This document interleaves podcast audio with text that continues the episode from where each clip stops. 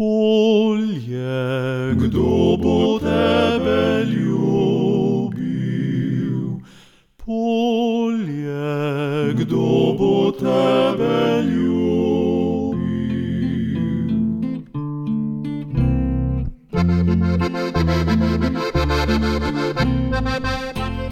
Drage poslušalke in spoštovani poslušalci, lepo pozdravljeni. Poslanski skupini SDS in NSI sta že 30. decembra lani vložili zahtevo za presojo ustavnosti novele zakona o dohodnini, ki jo je državni zbor sprejel 9. decembra. Pri tem sta upoštevali pripombe gospodarskih in kmetijskih organizacij, ki so poslance pozvale k vložitvi zahteve. Izguba neto prejemka za zaposlenega s povprečno plačo, za zaposlenega z dvakratno povprečno plačo in šestkratnikom povprečne plače bo med letoma 2023 in 2025 glede na novelo zakona o dohodnini znašala 1170, 1485 in 7000 evrov in celo delavec z minimalno plačo bo plačal 240 evrov davka več, so minuli četrtek opozorili predstavniki delodajalskih in drugih interesnih združenj. Pričakujejo, da bo zaradi tega padla potrošnja, posledično pa bo manj rasel tudi BDP.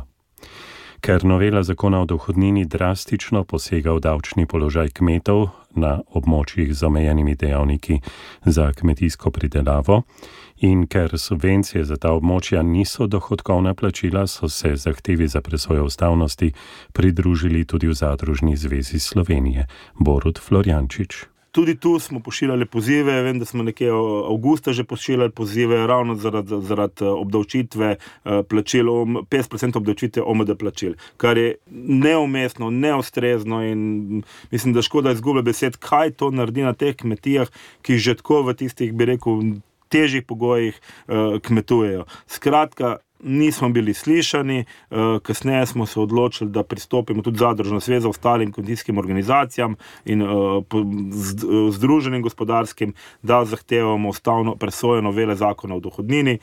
Prav zaradi obdavčitve OMD plačil bo več davka plačevalo kar 46 661 slovenskih kmetij, vse skupaj pa se bo poznalo tudi na drugih prejemkih, kot so naprimer otroški dodatki in štipendije. V Zadružni zvezi pa opozarjajo tudi na čuden način sprejemanja izvedbenih ured po okviru strateškega načrta za kmetijstvo. Vlada je dve med njimi sprejela 30. decembra, v njih pa niso upoštevane nobene pripombe, ki so jih kmetijske organizacije z argumenti podajale na usklajevalnih sestankih lansko jesen. Več o tem boste slišali v torkovi oddaji Zadružni odmevi ob 11 in 15 minut.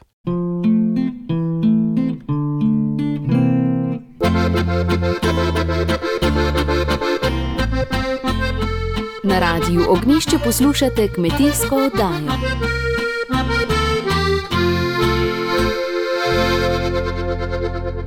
Več kot 20 let smo v Sloveniji za gorivo, ki se ga uporablja za pogon kmetijske in gozdarske mehanizacije ter za prevoz čebeljih panjev, lahko uveljavljali znižanje dela trošarine za preteklo leto.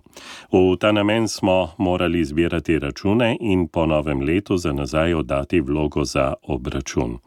V naslednjih minutah bomo spoštovane poslušalke in spoštovani poslušalci pojasnili, eh, kako je letos zahtevki za vračilo dela trošarine za gorivo porabljeno v lanskem letu, pa tudi kakšne spremembe je na tem področju prineslo leto 2023. Z nami je gospod Marjan Dolenšek, svetovalec specialist z Kmetijsko-gozdarskega zavoda Ljubljana in Gozdarskega inštituta Slovenije. Gospod Marjan, lepo pozdravljeni. Dobr dan. Eh, kako je torej z uveljavljanjem najprej znižanja eh, dela trošarine za leto 2022, eh, leto, ki je zdaj že za nami? Za minulo leto ni nobenih sprememb.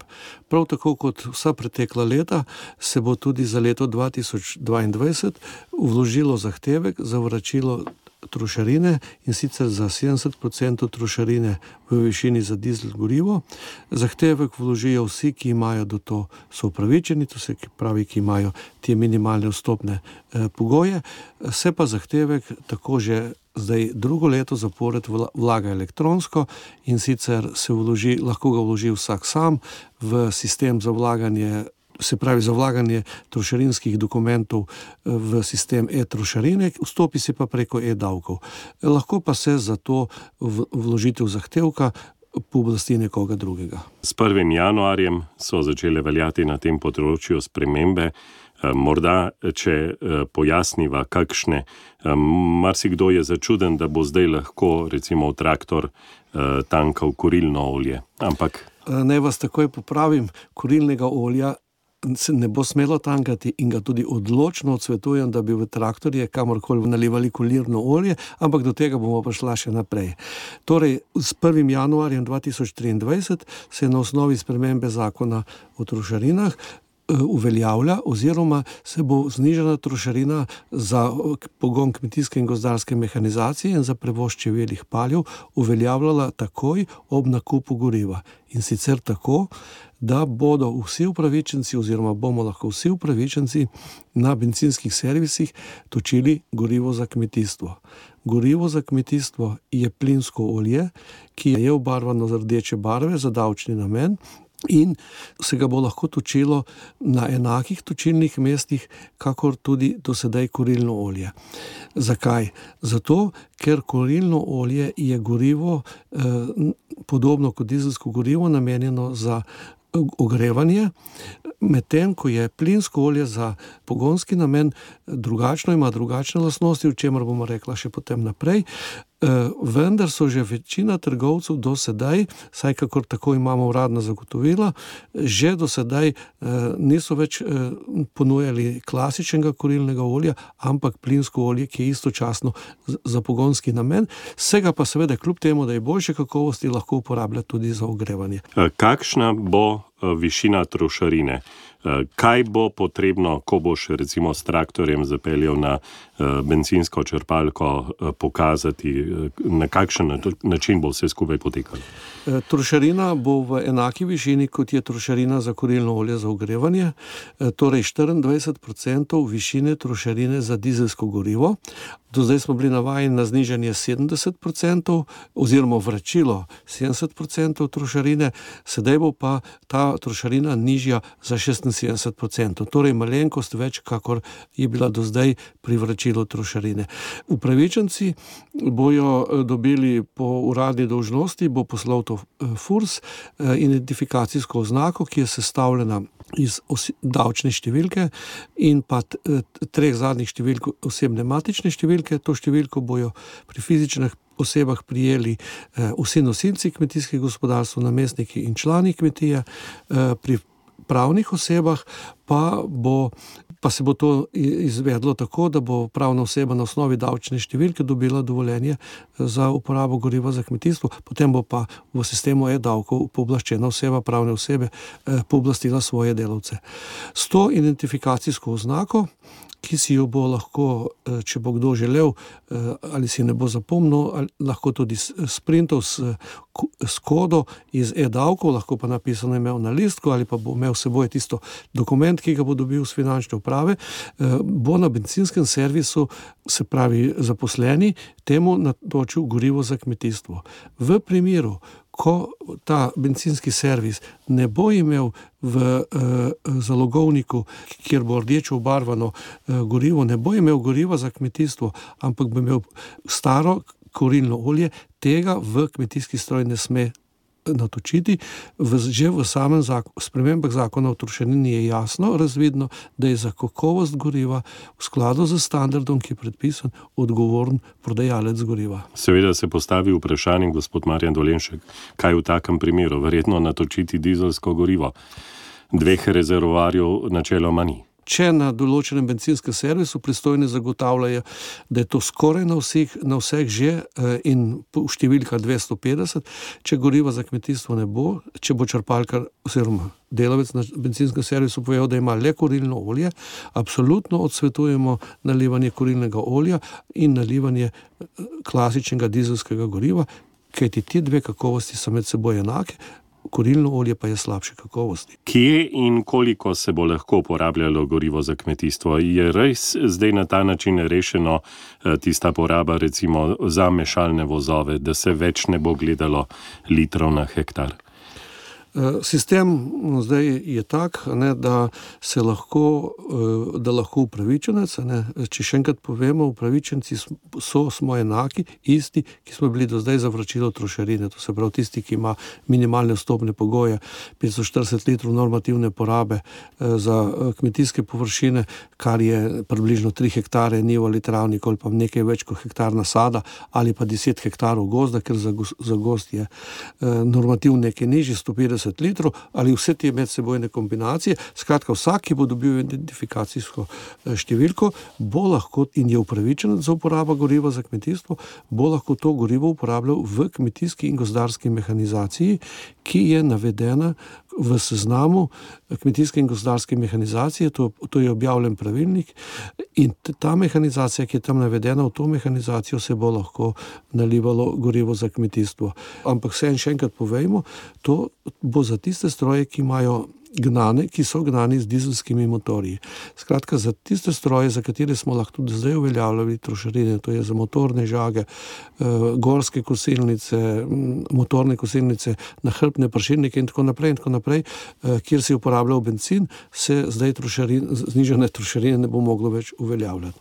Eh, še ta podatek za prevoz čebeljih paljev, to se pravi za tiste upravičence, ki, več, ki imajo več kot 41 čebeljih paljev in so jih v preteklem letu prevažali najmanj 10 km stran do stojišča, ne, bojo to gorivo za kmetijstvo lahko uporabljali v eh, tovornih vozilih, vendar le v tistih, ki so v skladu z predpisi z področja skladnosti vozil predelani za prevoz čebeljih paljev. Eh, veliko vprašanja se pojavlja tudi, kje se bo smelo uporabljati to gorivo za kmetijstvo, eh, ali samo na svojih površinah, ali za storitve, mogoče za plužnje snega.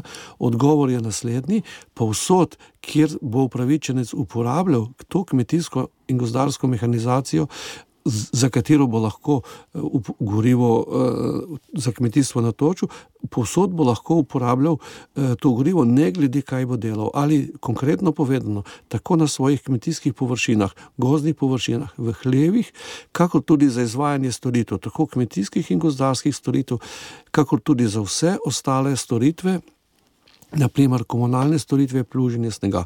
Ampak še enkrat povemo, da bo jasno, kdo je upravičen, to lahko uporablja. Če nekdo ni upravičen, ne more, če tudi če s traktorjem pluži, sneg ne more tega uporabljati. Za konec, precej vprašanj je med kmeti glede kakovosti goriva, nekaj ste že povedali, magistr Marjan Dolenšek. Odsvetovali ste, da če bi recimo na benzinskem servisu imeli na voljo kurilno olje, da bi tega točili.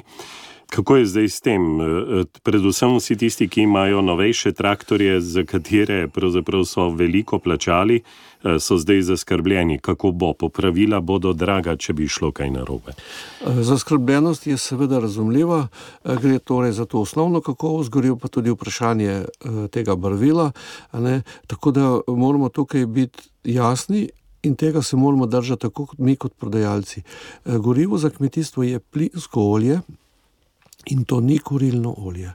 Kuril, v čem je razlika med kurilnim oljem in plinskim oljem, ki se uporablja za pogonski namen? Plinsko olje za pogonski namen mora biti v skladu s standardom Evropskim EN 590, ki določa med ostalim najbolj pomembno vsebno žvepla. In ta standard, ki ga tudi predpisujejo vsi proizvajalci motorjev, velja, eh, da je lahko v dizelskem gorivu ali pa plinskem olju za pogonski namen največ 10 mg žvepla na kilogram goriva. Medtem ko je za kurilno olje v skladu z uredbo o fizikalnih in kemijskih lastnosti goriv, ki, ki pri nas velja in že vključuje ta standard, ki se imenuje za kurilno olje, pa dovoljen en gram žvepla na kilogram ali drugače povedano, stokrat več. Zato se bo, bo moralo vsak prodajalec, ki bo prodajal gorivo za kmetijstvo, bo moral zagotoviti, da je to plinsko olje z to vsebnostjo žvepla oziroma kakovostjo enako dizelskim gorivom. Nikakor pa ne bo smel prodati, če rečemo, starega kurilnega olja, ker ima veliko večjo vsebnost žvepla in tudi odločno svetujemo vsem uporabnikom, da bi natočili tako gorivo. Prav tako svetujemo vsem uporabnikom, da so zelo previdni pri teh manjših dobaviteljev, ki so jim zdaj dobavljali eh, gorivo eh, in se res pozanimajo in predvsem za vsako kupljeno gorivo shranijo račun, na katerem bo seveda mogli biti razvidni podatki, kaj in kdaj, kje so kaj kupili. No in še ta drugo, druga stvar, to barvilo, eh, pojavljajo se predvsem mnenja serviserjev, da bo to barvilo, ki je dodano v, za obarvanje, lahko na dolgi rok vplivalo na zmanjšanje mazalne, zaradi zmanjšanih mazalnih sposobnosti na večjo obrabo sistema za ubris goriva, posebej pri teh visokotlačnih sistemih. Zdaj odgovor, ki, ki ga dajo za to pristojni, je, da to enako barvilo, ki je sicer lahko različne barve, v katerih je modro, zeleno, pri nas rdeče, je pa seveda kemijsko povsem enako, uporablja že več kot deset držav v okviru Evropske unije in da do zdaj ni zaznanih nobenih težav zaradi samega, same barve. Ja, postavlja se vprašanje, zakaj uh, smo prišli do te situacije na tak način ker bi lahko zadeve, ker smo v informacijski dobi rešili tudi na uh, drugačen način, ampak to bodo morali odgovorni razmisliti, morda pa nas uh, v prihodnjem letu uh, čaka nov razmislek in nov način. Konec koncev vsemu se je potrebno prilagoditi. Magister Marjan Dolenšek, hvala lepa za pogled na to področje, pa vse dobro in blagoslova v letu, ki smo ga začeli. Eh, tudi jaz želim eh, vsem poslušalcem Radio Ognišče čim bolj plodno leto, čim več dobrih pridelkov, osebnega zadovoljstva in pa seveda, da bi čim bolj varno in zdravo živeli celo leto.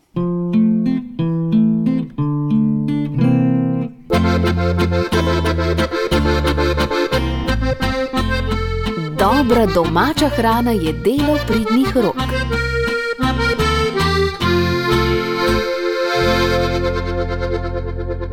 V četrtek se izteče rok, do katerega lahko kmetije ocenjevanje za sodelovanje na letošnjem festivalu dobrot slovenskih kmetij 34. po vrsti prijavijo svoje izdelke. Več nam bo povedal naš gost Peter Pribožič, vodja organizacijskega odbora. Lepo pozdravljeni. Eh, lepo zdrav iz Tuja, priprave na 34. festival dobrote slovenskih kmetij se je začel um, z objavo razpisa. Uh, ta razpis se sedaj v januarju izteka, tako da res vabim k sodelovanju poslušalke, poslušalce Radio Ognišče, uh, ki so kot kmetije in imajo možnost uh, ocenjevanja svojih izdelkov na naši razstavi. Sama, sama, sama zbiranja prijav potekajo posod v Sloveniji na kmetijskih notah svetovalne službe tako da vas usmerim e, k svojim svetovalnim službam ali pa direktno tudi na Ptuju. V vsakem primeru je treba kar pohiteti, ker prva ocenjevanja potem se bodo začela že koncem januarja. Letos smo dali en razpis, tako da potem pa začnemo z ocenjevanjem. 12. januar, torej v četrtek je ta prelomni rok. E, prijava še ne pomeni tudi takojšnje oddaje izdelka, ki bo ocenjevan, kaj ne? Ja, zdaj cel razpis je objavljen na internetni strani. Eh, mi še usklajujemo sedaj datume ocenjevanj in zbiranja vzorcev, potem eh, za vse, ki se bojo prijavili, bomo dali nazaj informacijo, kam prenesejo eh, in pa potem, kdaj bodo ocenjevanja. Ocenjuje se pa seveda, mislim, da 17 različnih skupin izdelkov. Uh mhm. -huh. Je letos še kakšna nova, na katero bi veljalo opozoriti? Ne, čist nove ni, ampak znotraj samih eh, kategorij je mogoče nekaj sprememb. Eh, drugače pa tradicionalno izdelki žita, mlečni mesni, olja, kisi, žganja, suho sadje, pridelki eh, sadjevci, vina, sadna vina, sadni in zelenavni sokovi, nektari, siropi, domače marmelade, džemi, sadni namazi, kompoti, konzervirana zelenjava med, čaji, medice ter uh, ribji izdelki, ki smo jih lani uvedli. Dobrote slovenskih kmetij, če vtipkaš v iskalnik, prideš na spletne strani, tam najdejo vse zapisano. Uh, gospod Peter Pribožič, letos se bo razstava odvijala kdaj?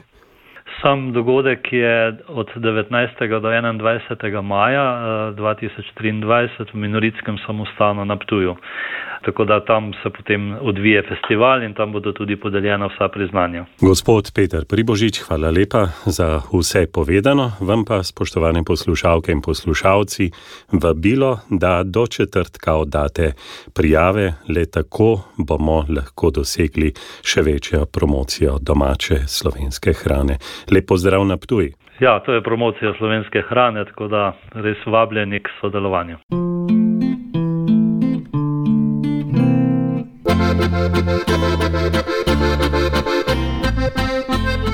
Na radiju Ognišče poslušate kmetijsko oddajo.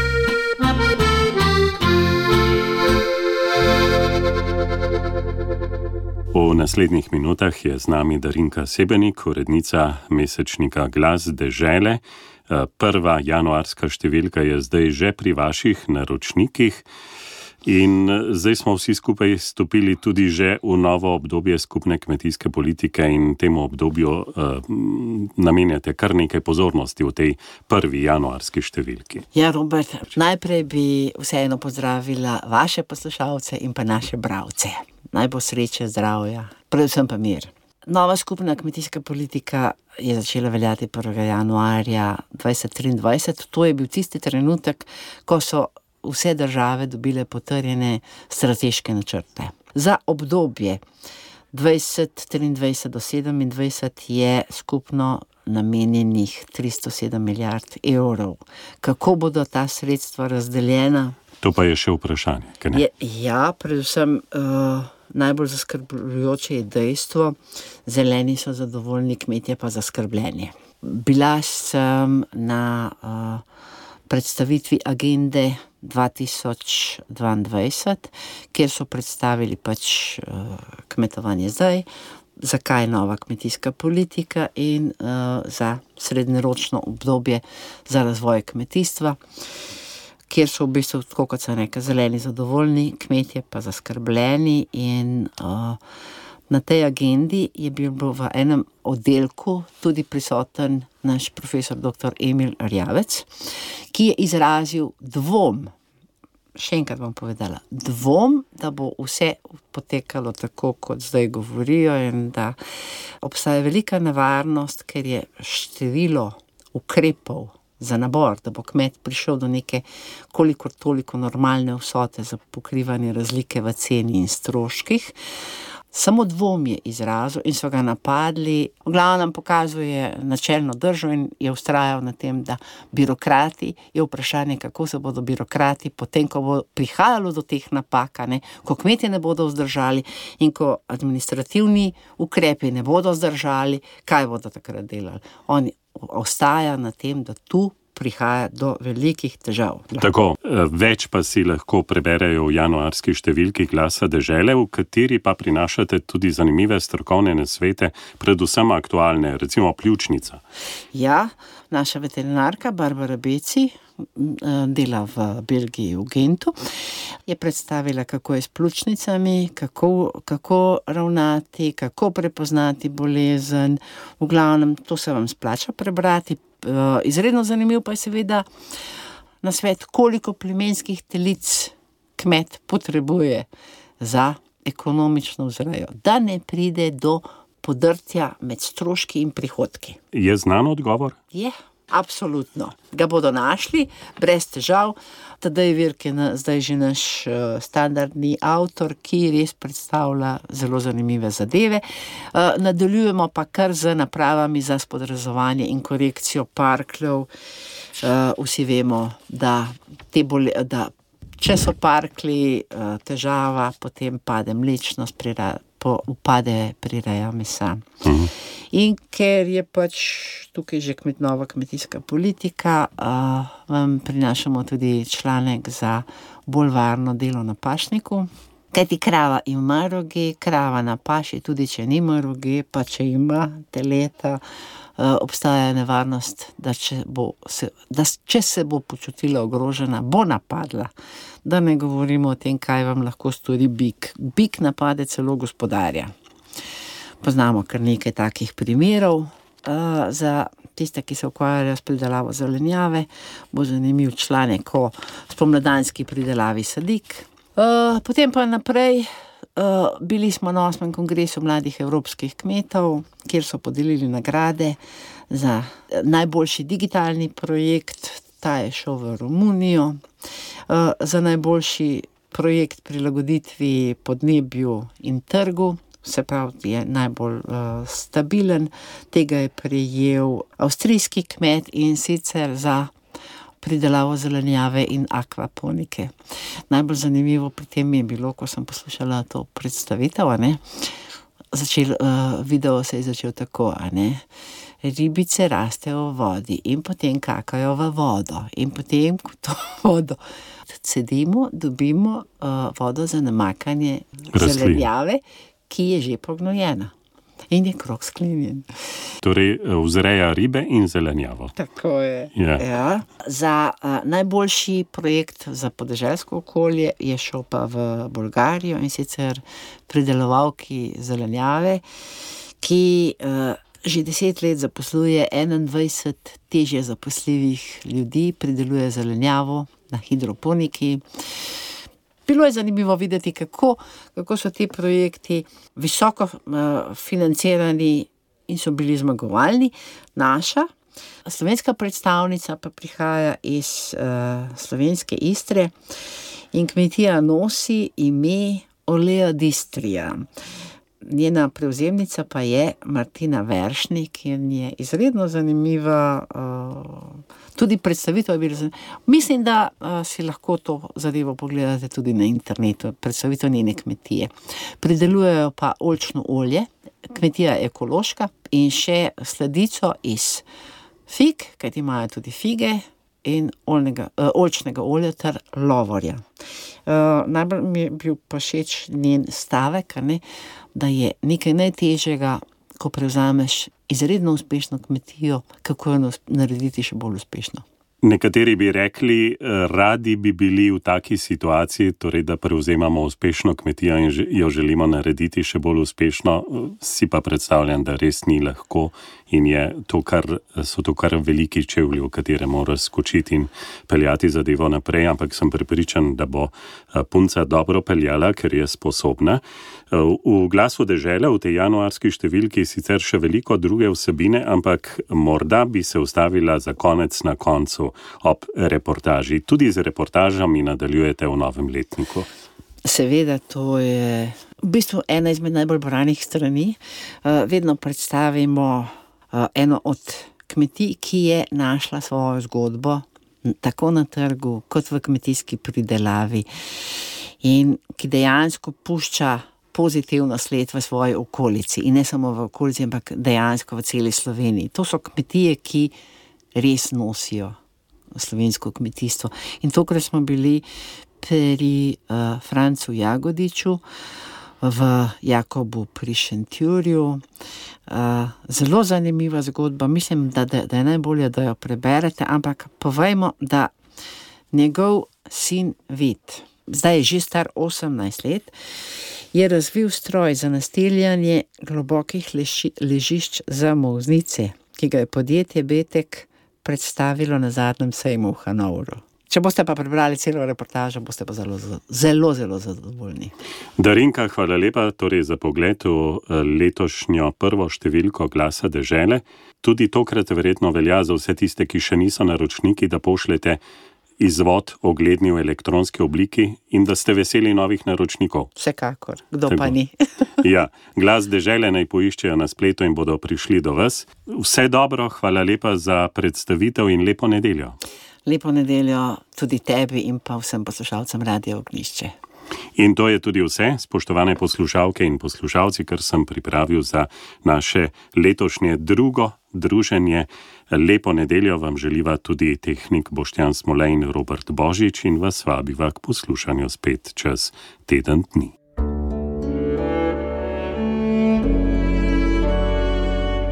Hvala za poslušanje. Podprite brezplačen dostop do naših vsebin in postanite prijatelj Radia Ognišče.